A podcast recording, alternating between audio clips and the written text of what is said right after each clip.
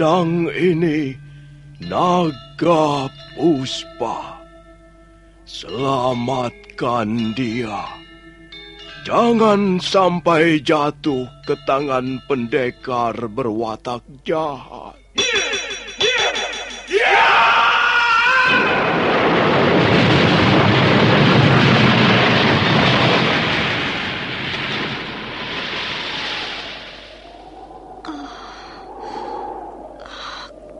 Kakang Kamandanu.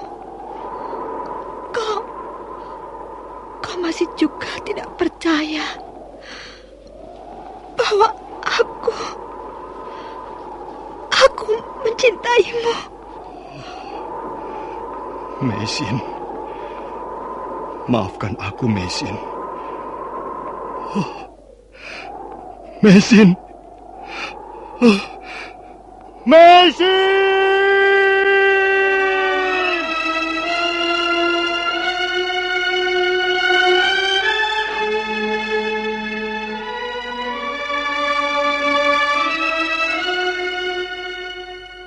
Tutur Tinular.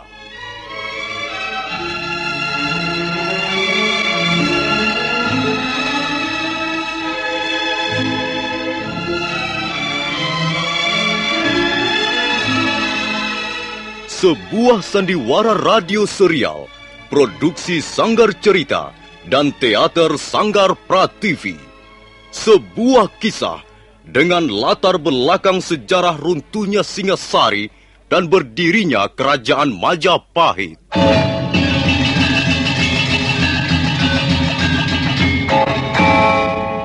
Sandiwara ini didukung oleh pemain-pemain radio yang sudah ternama.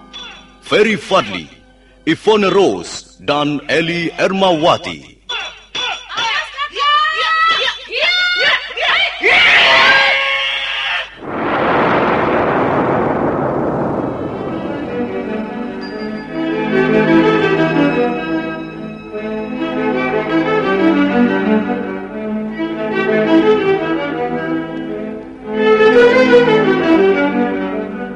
Cerita ini ditulis dan disusun oleh S. Tijab.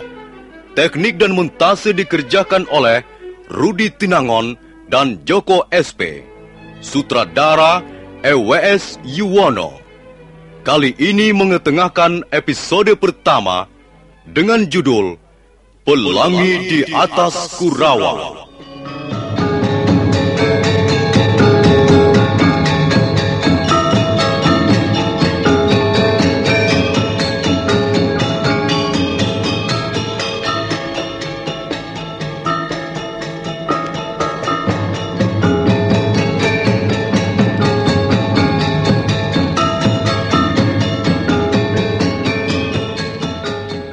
Dalam seri yang ke-13 ini didukung oleh para pemain Ferry Fadli sebagai Arya Kamandanu, M. Abud sebagai Arya Dwi Pangga, Lili Nur Indasari sebagai Nari Rate, Ari Aki sebagai Empu Hanggareksa, Ape Burhan sebagai Rekyan Wuru, Katarina sebagai Nyiwari, dan Nusri pembawa cerita.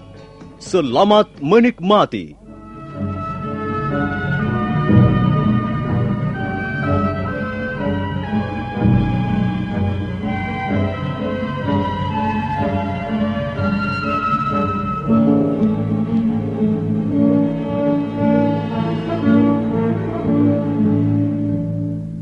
Nari Rati berusaha minta maaf pada Arya Kamandanu atas peristiwa di Candi Walandit.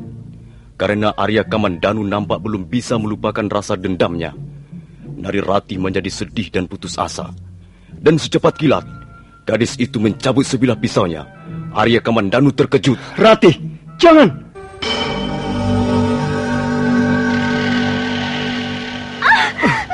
Lepaskan tanganku, Kakang. Jangan, Rati. Jangan. Lepaskan. Biar aku mati saja, Kakang. Biar aku mati saja. Rati, jangan begitu. Tidak baik membunuh diri sendiri. Tidak ada gunanya aku hidup lagi. Aku wanita yang penuh lumpur dosa. Aku wanita paling hina. Lebih baik aku lenyap dari muka bumi ini. Lepaskan! Lepaskan aku, Kakang! Lepaskan! Rati! Rati! Kau kira dengan bunuh diri urusanmu akan selesai? Kau akan mati penasaran, Rati. Dan kau akan meninggalkan racun yang akan membuat kami semua menderita. Kakang Kamandano, mengapa pikiranku menjadi gelap sekali? Mengapa? Rati, dalam keadaan seperti ini, kita harus tetap tegar dan tabah. Jangan menuruti luapan perasaan yang akhirnya bisa mencelakakan diri kita sendiri. Nah, pisau ini harus dibuang sejauh-jauhnya. Pisau itu sudah kubuang jauh ke dasar jurang. Dia tak akan bisa membujukmu lagi melakukan perbuatan yang amat nista. Sekarang, marilah kita duduk rati. Aku akan bicara denganmu.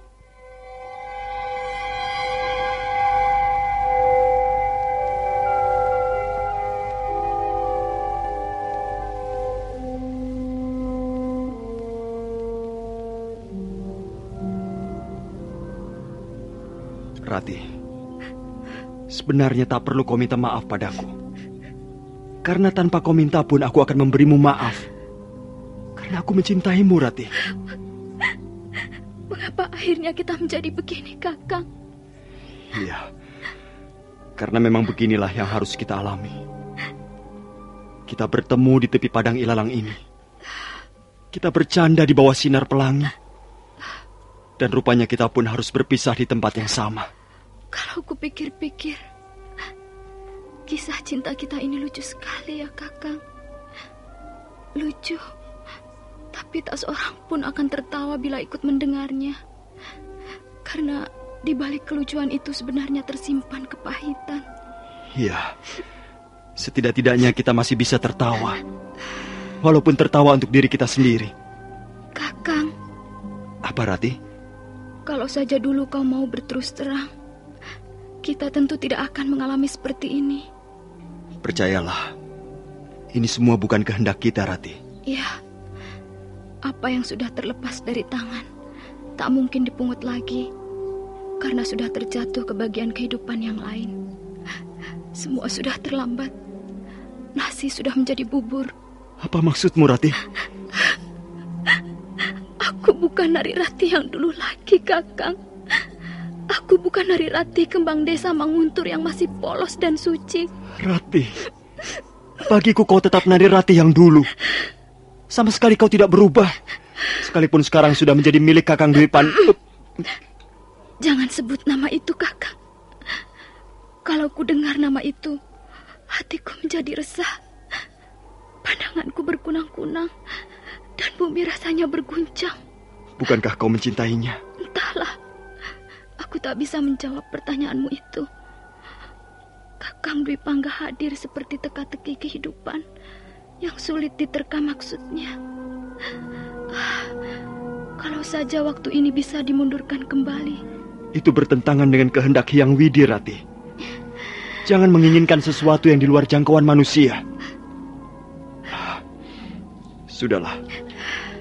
Mari kita akhiri pertemuan kita ini. Kita saling memuji saja. Agar Dewata memberkati perjalanan hidup kita masing-masing. Kakak. Tepi padang ilalang ini. Dan sinar pelangi di atas sana akan menjadi saksi bahwa kita pernah dipertemukan. Dan mereka pun akan menjadi saksi bahwa kita akhirnya harus dipisahkan. Kakang Kamadanu, namamu akan kukenang sepanjang hayatku. Aku pun tak bisa melupakanmu, Rati. Tapi ada satu hal yang membuatku sedikit merasa lega. Aku rela. Aku ikhlas. Karena saudara tuaku sendirilah yang akhirnya menjadi pria pilihan hatimu. Aku yakin Kakang di Wangga bisa membuatmu bahagia. Kalian akan hidup rukun sampai kakek Ninen. Banyak rezeki dan banyak anak. Kang Kamandanu. Begitu mulianya hatimu. Kau pun wanita yang paling manis yang pernah ku kenal, Rati. Hanya karena sesuatu yang tak akan pernah ku mengerti. Kalau aku melepaskanmu. Ya, mudah-mudahan sikapku ini membuahkan sesuatu yang baik. Kakang, sebelum pergi, aku Aku akan memberikan tanda mata untukmu. Terimalah batu nirmala ini. Batu ini pemberian ibuku sebelum menghembuskan nafasnya yang terakhir. Terimalah kakang. Hanya benda ini yang bisa kuberikan padamu sebagai kenang-kenangan dariku. Oh, terima kasih Rati. Batu nirmala yang indah sekali. Akan kusimpan batu ini sampai akhir hayatku. Akan kupertahankan batu nirmala ini dengan mempertaruhkan nyawaku. Pergilah, Rati. Ringankan langkahmu. Pergilah. Dan jangan menengok-nengok ke belakang lagi. Selamat tinggal, Kakang. Selamat berpisah, Rati.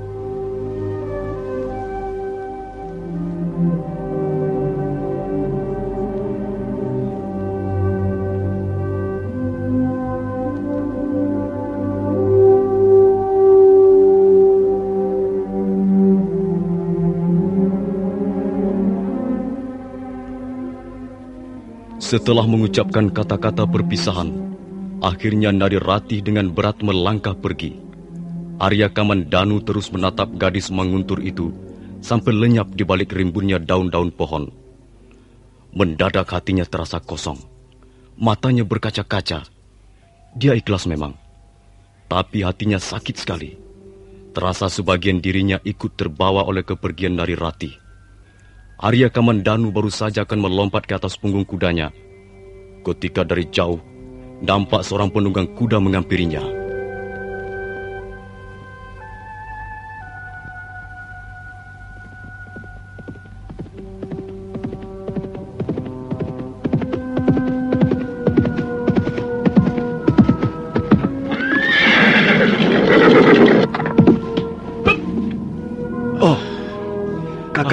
Dwi Pangga?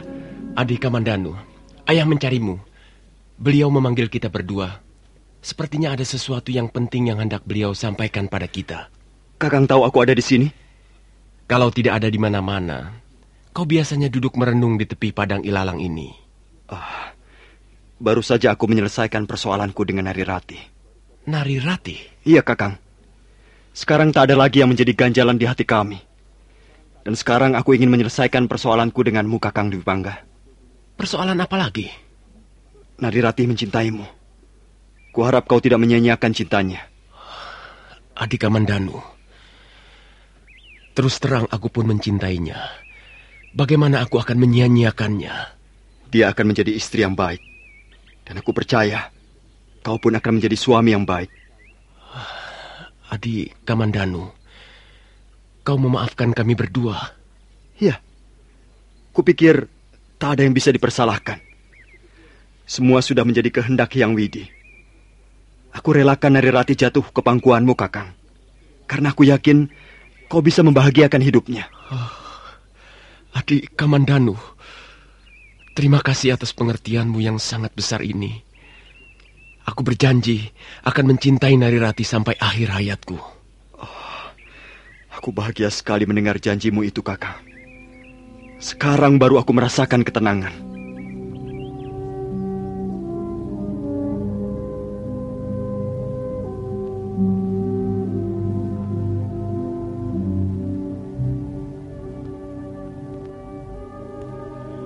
Dua bersaudara itu lalu berpelukan dengan mesra. Rasa haru menghiasi hati mereka yang sudah saling memberikan pengertian. Di atas langit lengkungan sinar pelangi belum lagi lenyap. Warna merah kekuning-kuningan menyebar di seluruh permukaan padang ilalang. Dan senja pun mulai turun pada saat Arya Kamandanu dan Arya Dwi Pangga naik ke atas punggung kuda masing-masing. Dan sebentar kemudian, kuda mereka sudah melaju berkejaran di bawah sinar lembayu senja yang indah.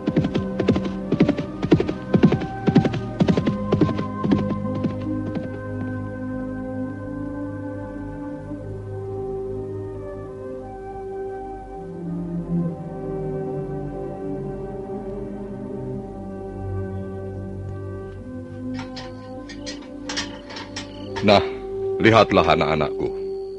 Senjata pusaka buatan ayahmu mempunyai mutu yang tidak diragukan lagi.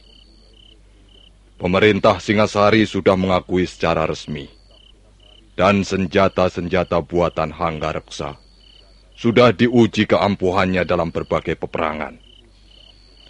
Para perwira pasukan merasa bangga bila terselip senjata buatan ayahmu di pinggangnya.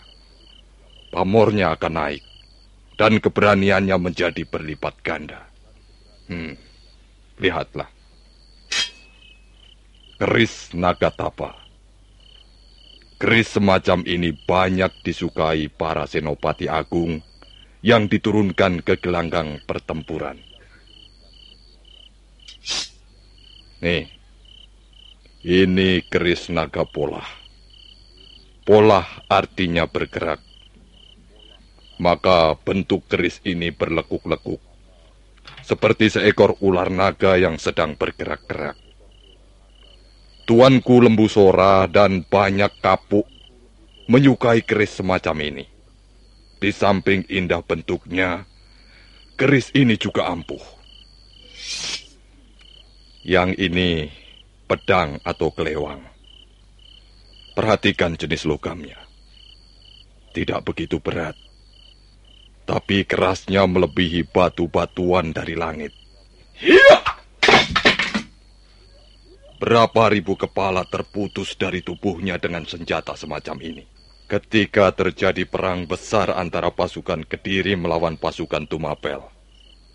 Desa Ganter menjadi saksi pembunuhan besar-besaran itu. Nah, anak-anakku, kalian berdua yang harus mewarisi keahlian ayahmu dalam hal pembuatan senjata pusaka ini. Kalian harus mampu mencipta keris nagatapa yang ampuh seperti yang dimiliki Gusti Ranggalawi yang bernama Megalamat. Kalian juga harus bisa menciptakan keris naga pola. Juga harus bisa membuat pedang-pedang yang tajamnya melebihi pisau cukur.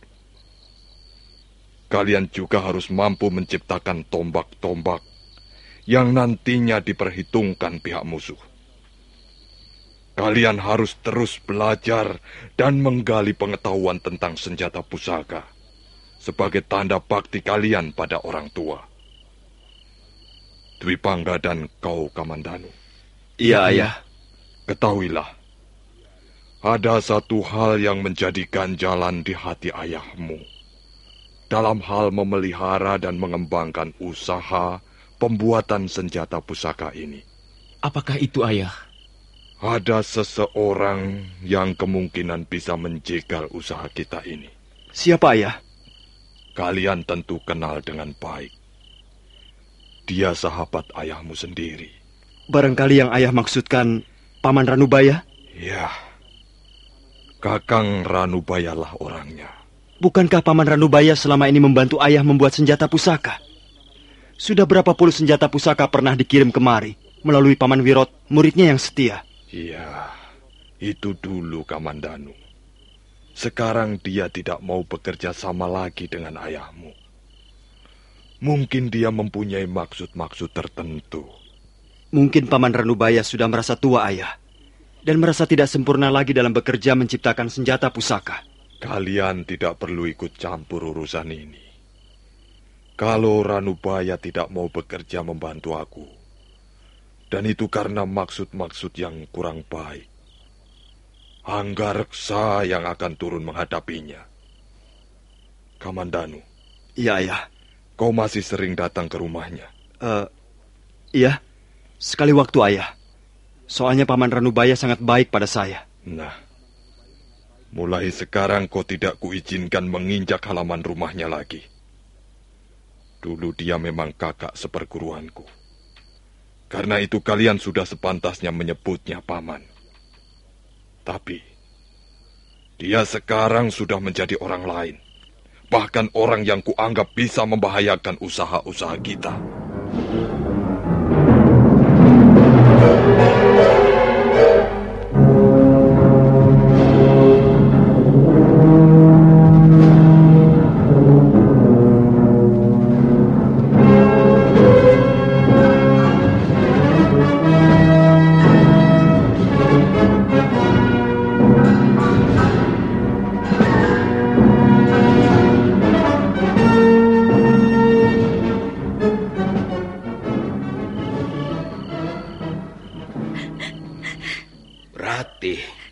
Kalau kau terus menangis begitu, aku tidak bisa berbuat apa-apa.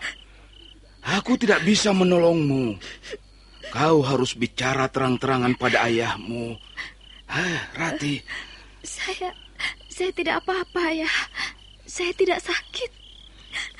Ah, kau seharian tidur di atas pembaringan dan mengeluh kepalamu pusing. Kau juga tidak mau makan dan tadi Palastri, temanmu itu memberitahu aku bahwa kau muntah-muntah di sungai ketika sedang mencuci pakaian. Apa itu bukan penyakit? Eh, ada apa dengan perutmu? Eh? Tidak, tidak apa-apa ya. Kok diremas-remas begitu? Hah? agak mules ayah. Biar sajalah. Kok biar sajalah bagaimana kau ini? Eh? Sudah biasa. Hmm. Nanti juga sembuh sendiri. Bagaimanapun, yang namanya penyakit harus diobati. Uh, saya uh. sudah minum ramuan daun-daunan, Ayah. Hmm. Nanti juga sembuh. Eh, kau di rumah. Aku akan keluar sebentar. Uh, ke mana, Ayah? Ini sudah malam. Jangan banyak bertanya. Aku akan memanggil Nyiwari. Uh, jangan, Ayah. Uh. Jangan. Kau harus diperiksa, Nyiwari. Jangan, Ayah. Tidak usah. Nanti juga sembuh sendiri. Bagaimana ini? Bagaimana kalau ayah sampai tahu?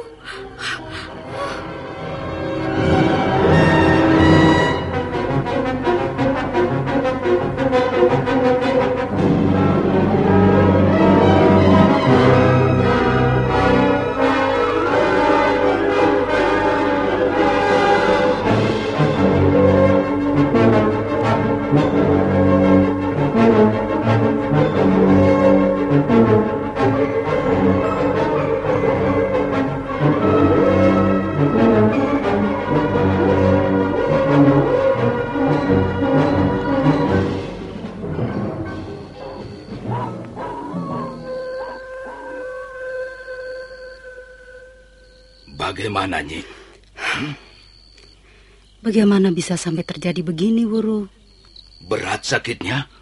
Sakit anakmu ini bisa dikatakan berat. Tapi bisa pula dikatakan tidak berat. Tetapi bagaimana aku harus mengatakannya padamu, Wuru? Katakan saja, Nyi. Aku sanggup membayar pengobatannya. Dia anakku satu-satunya. Aku rela berkorban apa saja demi keselamatannya. Sepanjang penglihatanku, anakmu itu jarang pergi keluar rumah. Memang, nih, dia anak yang baik. Paling-paling dia pergi keluar hanya untuk mencuci pakaian di sungai. Eh, memang sekali waktu dia minta izin ke rumah temannya. Tapi itu jarang terjadi. Ah, eh, ada apa, nih? Ya, kalau saja anakmu sudah bersuami, hal ini justru merupakan berita yang mengembirakan. Nyiwari, apa maksudmu, Nyi? Wuru, kau jangan terkejut. Aku terpaksa mengatakan apa adanya. Anakmu Nari Ratis sekarang ini sudah siap memberikan seorang cucu. Apa? Cucu? Aku akan mempunyai cucu? Ya, anakmu sedang mengandung tiga bulan lamanya. Mengandung? Ah, bagaimana Nari Rati bisa mengandung? Dia belum bersuami, Nyi. Rati! Kemari kau anak setan! Kubunuh kau!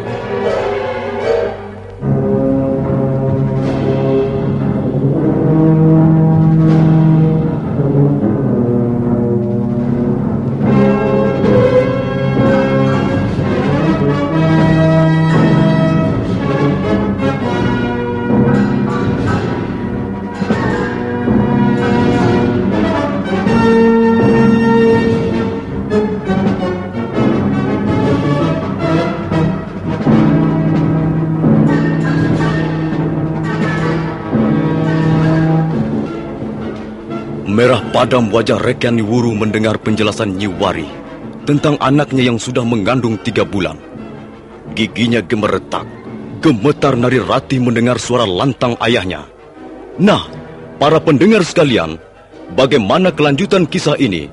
Silakan mengikuti seri berikutnya di radio kesayangan Anda ini. Sampai jumpa.